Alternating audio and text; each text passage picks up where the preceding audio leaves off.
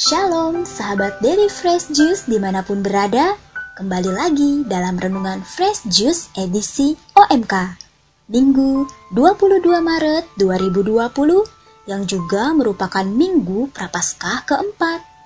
Saya Indah Larasati Sirait dari Cibinong Kabupaten Bogor Member grup OMK Daily Fresh Juice Fellowship 11 Renungan hari ini akan dibawakan oleh Cikita Koyo dari Manado yang juga merupakan tim desain di grup OMK Daily Fresh Juice.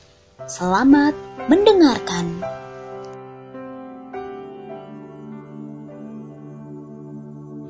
Sahabat Fresh Juice yang terkasih, pada hari ini saya Cikita Koyo dari Paroki Santo Antonius Padua Tataaran Minahasa mengajak pendengar setia Daily Fresh Juice untuk membaca dan merenungkan sabda Tuhan yang diambil dari Injil Yohanes pasal 9 ayat 1 sampai 9, ayat 13 sampai 17, ayat 34 sampai 38. Inilah Injil Yesus Kristus menurut Yohanes. Waktu Yesus sedang lewat, ia melihat seorang yang buta sejak lahirnya. Murid-muridnya bertanya kepadanya, "Rabi, siapakah yang berbuat dosa? Orang ini sendiri atau orang tuanya sehingga ia dilahirkan buta?" Jawab Yesus, "Bukan dia dan bukan juga orang tuanya, tetapi karena pekerjaan-pekerjaan Allah harus dinyatakan di dalam Dia." Kita harus mengerjakan pekerjaan Dia yang telah mengutus aku. Selama masih siang, akan datang malam, di mana tidak ada seorang pun yang dapat bekerja. Selama aku di dalam dunia, akulah terang dunia. Setelah ia mengatakan semuanya itu, ia meludah ke tanah dan mengaduk ludahnya itu dengan tanah, lalu mengoleskannya pada mata orang buta tadi dan berkata kepadanya, Pergilah, basuhlah dirimu dalam kolam Siloam. Siloam artinya yang diutus. Maka pergilah orang itu, ia membasuh dirinya lalu kembali dengan matanya sudah melek. Tetapi tetangga-tetangganya dan mereka yang dahulu mengenalnya sebagai pengemis berkata, Bukankah dia ini yang selalu mengemis? Ada yang berkata, "Benar, dialah ini." Ada pula yang berkata, "Bukan, tetapi ia serupa dengan dia." Orang itu sendiri berkata, "Benar, akulah itu." Lalu mereka membawa orang yang tadinya buta itu kepada orang-orang Farisi.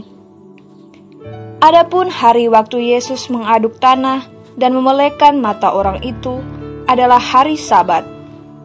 Karena itu, orang-orang Farisi pun bertanya kepadanya, "Bagaimana matanya menjadi melek?" Jawabnya, "Ia mengoleskan adukan tanah pada mataku, lalu aku membasuh diriku, dan sekarang aku dapat melihat." Maka kata sebagian orang-orang Farisi itu, "Orang ini tidak datang dari Allah, sebab ia tidak memelihara hari Sabat."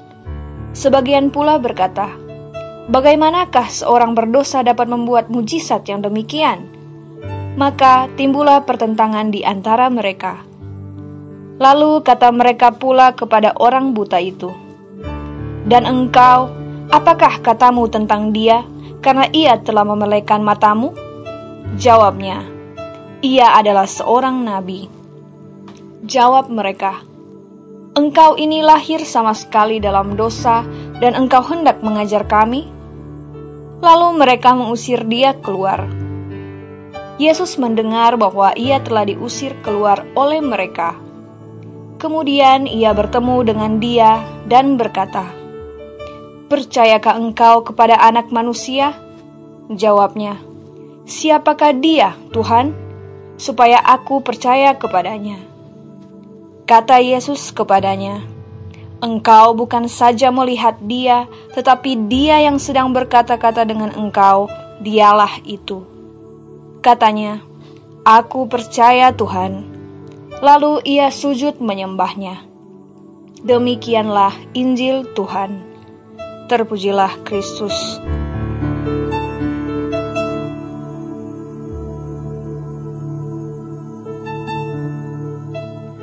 Sahabat Fresh Juice yang terkasih, Injil Yohanes hari ini sangat dalam maknanya.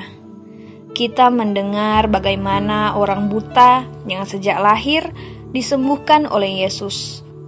Ada juga kisah lain yang serupa mengenai penyembuhan orang buta, yaitu dalam Injil Matius bab 20 ayat 29, di mana ada dua orang buta yang berteriak meminta Yesus mengasihani dan menyembuhkan mereka.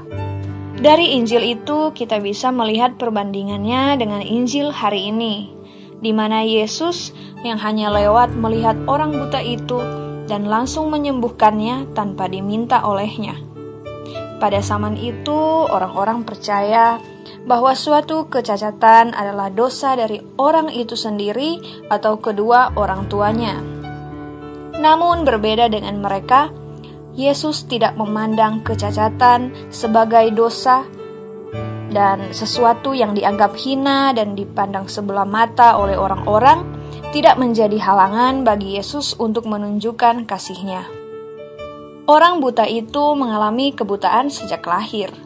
Walau dia tidak pernah mendengar dan mengetahui bukti bahwa ludah dan tanah bisa menyembuhkan kebutaan, Orang buta itu bisa melihat secara batin dan percaya kepada Yesus ketika ia disuruh oleh Yesus untuk berjalan pergi membasuh dirinya. Bagaimana jika ia tidak yakin dan percaya? Mungkin saja ia tidak akan bisa melihat. Sahabat Fresh Juice, dari kisah ini Tuhan mengajak kita untuk melihat bahwa situasi yang buruk pun bisa menghasilkan kemuliaan bagi Tuhan. Kebutaan orang itu bukanlah salahnya. Melalui kebutaannya, Tuhan berkarya. Mungkin dalam hidup kita sering bertanya, "Apa bagusnya saya mengalami penderitaan dan kesulitan dalam hidup? Apa manfaatnya?" Karena semuanya tidak mengenakan. Pertanyaan seperti ini muncul dari asumsi jika kehidupan kita bahagia, lancar, dan sukses, di situ kita baru bisa melihat bahwa Tuhan berkarya, sehingga kita baru mulai memuliakan Tuhan. Padahal, dalam kesusahan, dalam penderitaan, kemuliaan Tuhan bisa dinyatakan dalam kehidupan kita. Dalam bab sebelumnya, yaitu Yohanes 8 ayat 12, Yesus juga berkata, Akulah terang dunia. Barang siapa mengikuti aku, ia tidak akan berjalan dalam kegelapan, melainkan ia akan mempunyai terang hidup. Hal ini berarti bahwa manusia tidak dapat mengerjakan pekerjaannya tanpa Yesus, karena Yesus adalah terang dunia. Contoh sederhana, ketika malam hari, tanpa adanya cahaya dari lampu atau lilin, apalah daya kita? Mata kita menjadi buta karena gelapnya malam. Tanpa sumber cahaya, kita bisa saja jatuh, tersandung, atau terbentur. Kegelapan dapat melukai kita. Karena itu, kita membutuhkan sumber cahaya untuk bisa melihat, berjalan, dan bekerja. Di tengah permasalahan hidup yang berat, di tengah gelapnya hidup kita, kemuliaan Allah akan dinyatakan Tuhan datang menunjukkan terang kasihnya kepada kita sehingga kita bisa keluar dari kegelapan itu. Tuhan ingin sebelum mau tiba, sebelum akhir dunia tiba, Tuhan ingin memberikan kesempatan kepada kita untuk berlomba-lomba mencari terang Tuhan.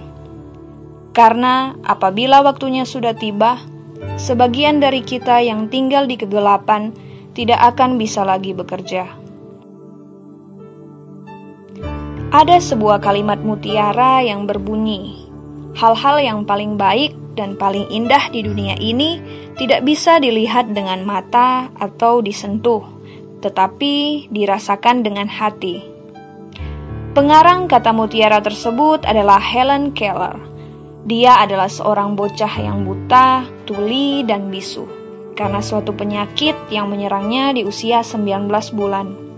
Kegelapan dan kesunyian dijalaninya setiap waktu.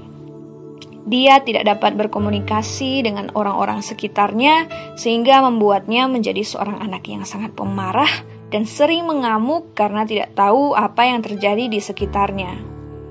Bahkan orang tuanya pun tidak bisa melakukan apa-apa.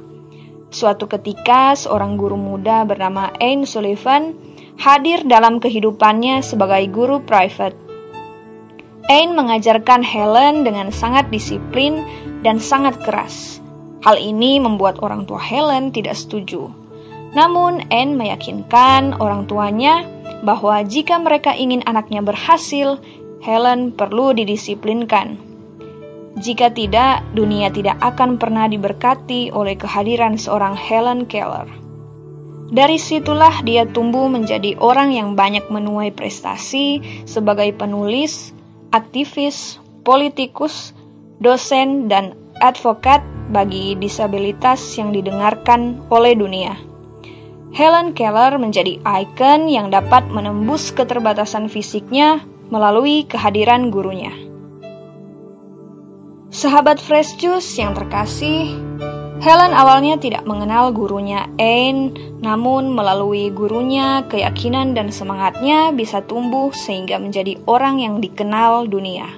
Begitu juga dengan orang buta dalam kisah Injil hari ini, dia tidak mengenal Yesus, dia tidak tahu Yesus itu siapa, dari mana asalnya, namun di tengah penderitaannya, kehadiran Yesus bisa membuatnya yakin dan percaya dengan apa yang Yesus lakukan, sekalipun ia tidak melihat Yesus sampai ia mendapatkan kesembuhan dalam penglihatannya.